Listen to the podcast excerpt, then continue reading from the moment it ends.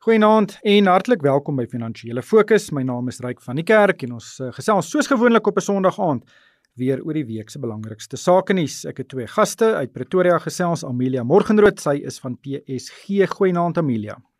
Goeienaand Ryk, luisteraars. En uit die Kaap gesels Amri Thomas, hy is 'n fondsbestuurder by Abex Beleggings. Goeienaand Amri. Hallo Ryk en luisteraars. Omrie, kom ons begin by jou. Nou ek is nie iemand wat myself blind staar teen indekse nie, maar eh, dit was nogal vir my interessant dat die Rand Taxebank en die Buro van Ekonomiese Ondersoek se sakevertroue indeks in die 4de kwartaal tot sy hoogste vlak sedert 2017 gespring het. Nou dis verrassend omdat ons ekonomie op die oomblik baie swakker vaar as in 2017 en die ekonomiese vooruitsigte is selfs nog vrotter. Ja, ek ek moet sê dit dit is uh, vir my ook verbaasend geweest. Dit is natuurlik ook relatief tot tot die basis wat wat ook baie swak is.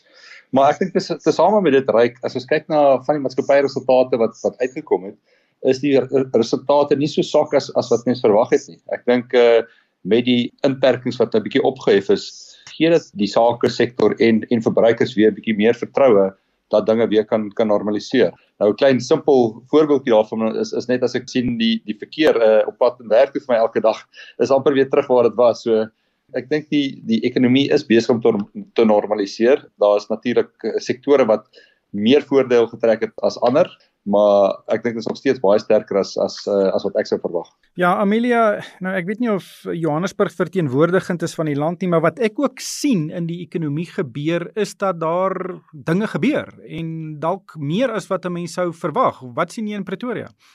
Wel, wat ek ervaar ryk is dat die negativiteit waarmee ons so ehm uh, versluier is is nie heeltemal so erg as wat dit voorkom nie. Soos dat ek met my kliënte praat, ehm um, hoor ek van nuwe rekord hoogtepunte wat deurentyd getref word in hulle besighede. En ek praat nie net van een persoon nie. Ek praat van verskeie mense. So dit wil vir my voorkom asof die mense wat besluit het dat hulle nie gaan deur hierdie virus gekortwiek word om hulle besigheid te doen nie, asof hulle tot groot hoogtes gaan terwyl die wat besluit het om die virus 'n bedreiging te maak en bang te wees daarvoor asof hulle nou heeltemal uitgesak het. So ek dink daar's nou twee wêrelde van mense wat verskriklik swaar kry en, en sleg doen en daar voel ek geweldige simpatie vir die vermaaklikheidsbedryf, vir hotelle, vir vakansieplekke. Ek dink hulle het redelik swaar gekry. Maar ek het onlangs 'n bietjie deur die land ook getoer en ek het gehoor van sekere uh, klein dorpies se hotelle en restaurante wat vir my sê hulle doen selfs beter as voor die pandemie uitgebreek het. En as jy gaan kyk na iets soos First Rand byvoorbeeld wat hierdie week gesê het dat dit lyk asof sake baie vinniger herstel as wat hulle voorheen gedink het dit gaan gebeur. Hulle praat van syfers wat byvoorbeeld hulle sê hulle inkomste uit rente is 2% hoër as 'n jaar gelede se Oktober. En ehm um, nie rente inkomste het so bietjie gedaal maar oor die met 2%. Ek bedoel dis nie groot syfers wat jy van praat nie. So ek hoor deurlopend van besighede wat selfs nou beter doen as as voor die pandemie. Ja, ek dink ook omdat jy nou net verwys na maatskappy resultate wat beter was as verwag. In First Rand se geval is dit heelwat beter hoewel dit nog steeds negatief is.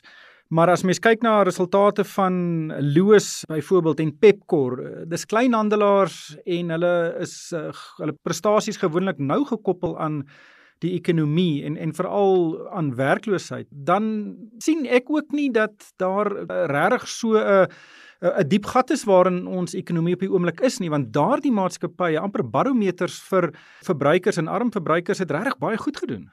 Ja, reg, dit is dis interessant en ek dink mense gaan nou moet sien hoe dit hoe dit uitspeel, maar ek dink uh, nog 'n maatskappy wat uh in die week uh, uitgekom het met handelsopdatering is is is Bitvest en, en Bitvest het voelers in baie sektore in die ekonomie.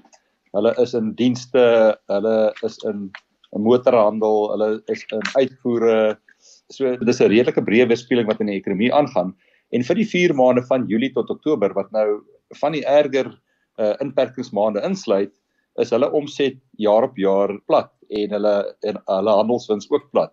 So mense 'n baie slegter uh, prestasie verwag.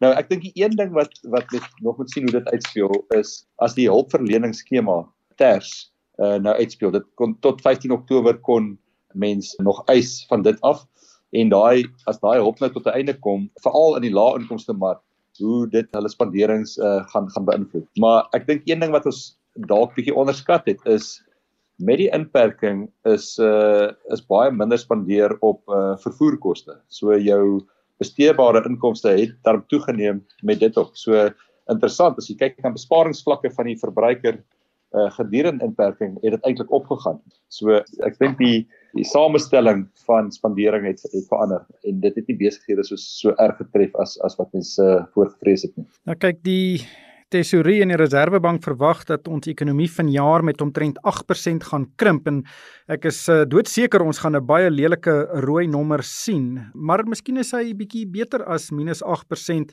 Maar Amelia, 'n bedryf wat nie hierdie week 'n goeie week gehad het nie, is die versekeringsbedryf. Nou Old Mutual is die jongste versekeraar om 'n hofsaak te verloor teen 'n onderneming wat ingevolge hulle sake onderbrekingsklausule uh, geëis het vir verliese wat hulle tydens die Grendeltyd gelei het. Hierdie keer was dit 'n kleinhandelgroep.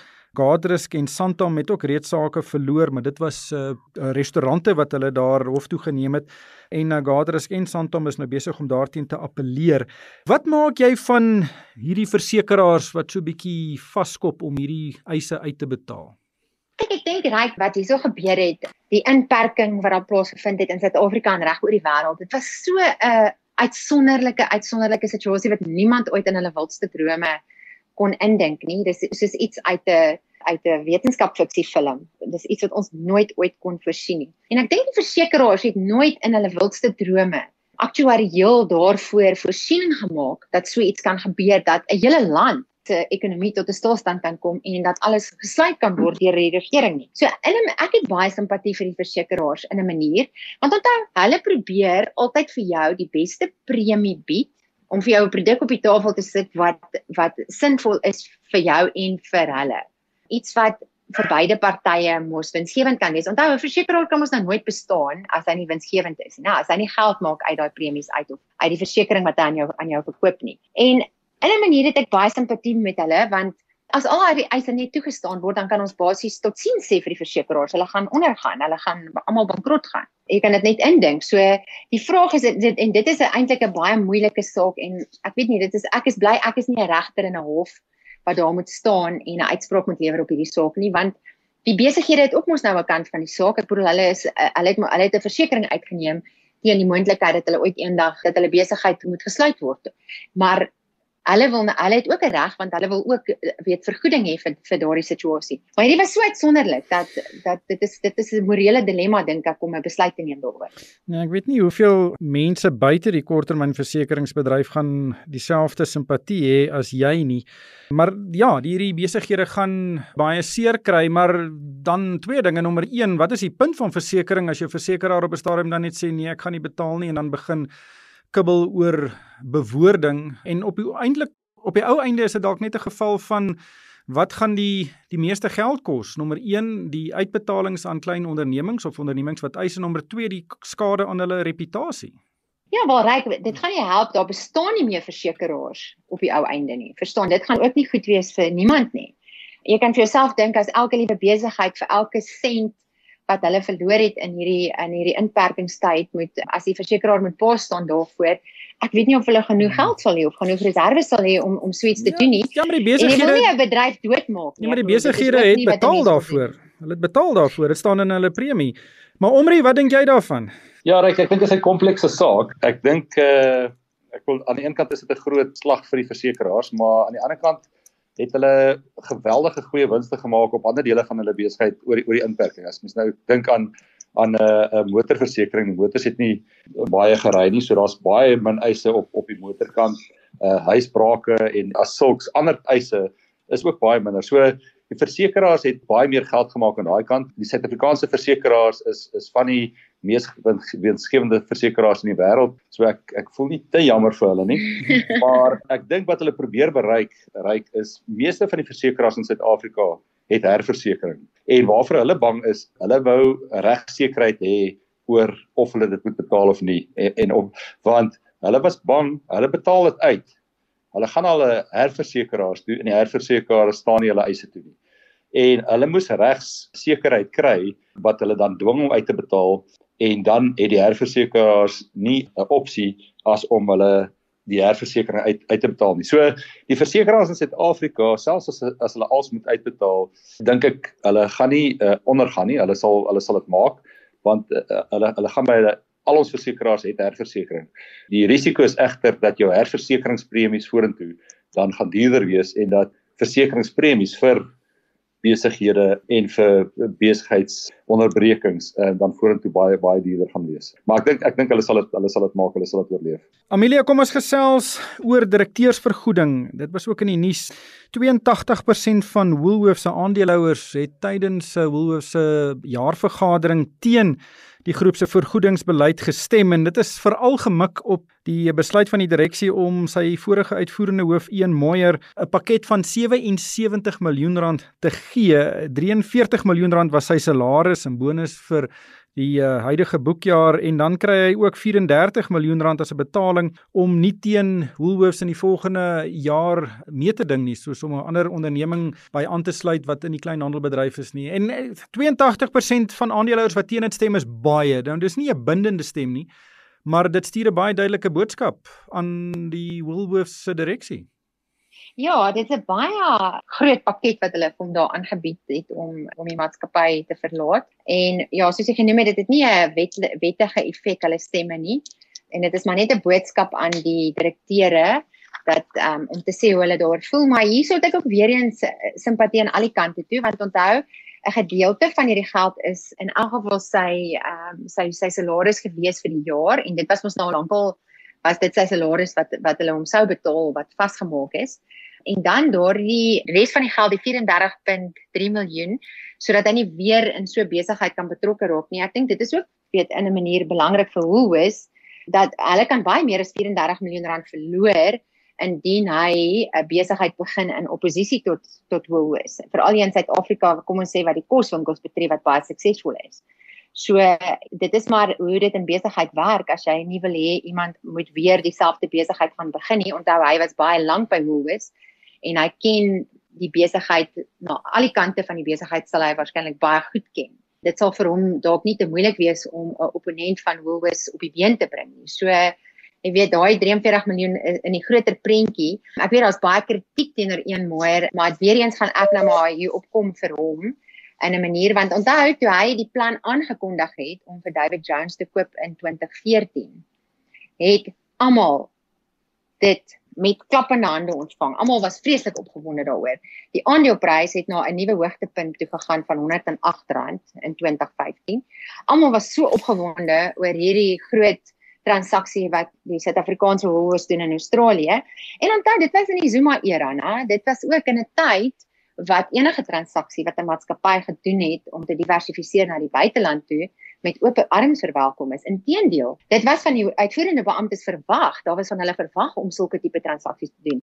En ek dink hulle het ook dalk daar buite gegaan en holderste bolder hierdie transaksies gedoen in 'n poging om diversifikasie buite Suid-Afrika te kry. So hoekom het niemand toe iets gesê nie? Al die slim um, aandeelhouers en al die slim fondsbestuurders het in 2015 nie 'n woord gesê oor hierdie transaksie nie. Inteendeel, hulle het die aandeleprys opgedruk. Nee, dit ek, ek hoor wat jy sê, maar aan die ander kant was die belegging in David Jones, dit was 21 miljard rand. Dis omtrent al heeltemal afgeskryf en hierdie transaksie is seker een van die grootste koöperatiewe mislukkings van 'n Suid-Afrikaanse maatskappy in die buiteland. Maar waarom het aandeelhouers en die publiek en fondsbestuurders die aandeleprys opgedruk na 'n nuwe hoogtepunt in 2015? As hulle nou so slim is om te sê dat die reuse mislukking was, ons almal kan nou terugkyk en sê ja, dit was 'n mislukking. Hulle het al die helfte van die 21 miljard afgeskryf en ja, yes, dit was 'n vreeslike prys vir daardie maatskappy, maar hoekom het niemand in 2014 of 2015 so gedink nie? Niemand het toe. Jy kon nie een verslag kry van 'n analis wat sê dit is te veel nie. Omre, jy's 'n fondsbestuurder? Ja, ek dink ek dink daar was 'n uh, uh, misrepresentation gewees op op daai stadium. Ek dink Amelia is reg as wat Ian aan die mark beloof het. As dit werklik deurgekom het, sou dit 'n geweldige goeie transaksie wat uh, uh, wees. Ek dink die die hele aankoop is misbestuur as jy kyk na hoeveel uh, senior bestuursveranderings uh, daar plaasgevind het in in Australië oor tyd en ek dink wat die mark fiets gemaak het is ek dink hulle uh, het nie daarvan gehou dat dit uit dit is dit is hy hy is van Australië en hulle het dit half gesien dat hy bietjie vir hom hy's nou die ou wat daai mark moet ken en hy het baie beloftes gemaak wat omtrent die een nagekom het en nou die mark het verander die die kleinhandelmark uh, meer na aanlyn geskuif en werk uh, weg van uh, departementswinkels af so maar ek dink nie dit is 'n dit is 'n tendens wat wat toe nog nie uh, bestaan het, maar ek dink daai tendens het net baie vinniger gebeur as wat hy uh, beplan het. Nou op die op die bedrag wat aan hom betaal is, ek dink dit is gekamoufleer as nou 'n inperking op op sy vermoë om te kompeteer, maar ek dink die die regte rede daarop is daar's verandering aan 'n uh, direksie gewees met 'n uh, Hubert Brody wat nou oorgeneem het as as uh, as voorsitter. Ek dink Hubert het baie goeie skuwe sover gemaak en ek dink hierdie was 'n uh, betaling om basies vir een uit sy kontrak uit te kry sonder dat dit in die hof op opeindig want soos Amelia tereg sê daar is 'n kontrak met hom gewees en jy kan nie net die kontrak kanselleer nie. So hierdie betaling is om een uit te kry. Die dag toe aangekondig is dat dat een gaan gaan, het die aandeleprys in somme baie gespring. So ek dink die mark is uh dis nie 'n goeie teken seker as jy die uh, uitvoerende beampte is en uh jy kondig uh of daar word gesê jy gaan jy gaan baie en die aandele gaan op nie, maar dit is wat gebeur het. So ek dink die mark is is positief oor oor die bestuursveranderings. Die die nuwe uitvoerende beampte het het nie daai bagasie van Australië nie, so hy kan 'n meer kliniese besluit neem om om die bate te verhandel ek dink dit is 'n geweldige bedrag en en dit steek mense dwars in die keel maar ek dink vir die in die groter prentjie is dit die regte ding gewees om vir een uit te kry. Ja, ek dink ek, ek wil graag nog ietsie byvoeg as as ek mag. Wat ek verder wil sê is ek wil graag want mense se geheue is, is baie keer baie kort. Ek sluit aan by alles wat um, Omri sê en ek stem saam. Maar ek wil net nog sê dat mense maklik vergeet. Hierdie was in 2015 waar die aandeleprys na 108 gegaan het. Hulle het hierdie transaksie laat in 2014 gedoen. In einde 2015 was toe Nenegate gebeur het. So om net weer almal te herinner aan die plofbaarheid van die van die ja. politieke omstandighede in Suid-Afrika ja. en hoe maatskappye daagliks daagliks het ek artikels gelees en wat in die nuus gekom het elke liewe maatskappy het iets anders gaan koop in die buiteland en net ter tot hulle verdediging elke omtrent meeste van daardie transaksies het platgeval en hulle het nie suksesvol gematerialiseer nie. En die hoofrede is dat almal absoluut in 'n paniek was oor die politieke situasie in Suid-Afrika en uitgegaan het en net so gou as moontlik transaksies probeer doen het en probeer koop het wat ook al beskikbaar in die mark was. Ja. So ek het geweldige simpatie met die bestuur van maatskappye en hoe die politieke situasie in Suid-Afrika op daardie stadium. Ryk, ek dink Amelia maak 'n baie goeie punt. As jy nou kyk na die industriële sektor of die kleinhandelsektor, hoeveel maatskappye as jy nou Truus wat oor see uh, aankoop gemaak het, Bright, Imperial, daar is min wat mens kan sê werklik dit suksesvol ja. uit, uitgevoer het en soos hy reg sê, ek dink aandeelhouers het ook op bestuur druk gesit om te sê luister hier Suid-Afrika is in 'n baie moeilike posisie. Jy moet ja. uh, inkomste diversifiseer en en en dollar inkomste kry. So dit is absoluut waar wat sy wat sy sê. Nou die een ding ek dink kan ek jou net daar so jammer omrie die tyd het ons werklik ingehaal. Uh, baie dankie vir julle insigte Amelia Morgenrood van PSG in Pretoria en ook Omrie Thomas van Eyebax beleggings se en daarmee moet ons groet vir my ryk van die kerk. Dankie vir die saamluister en ek hoop almal het 'n winsgewende week.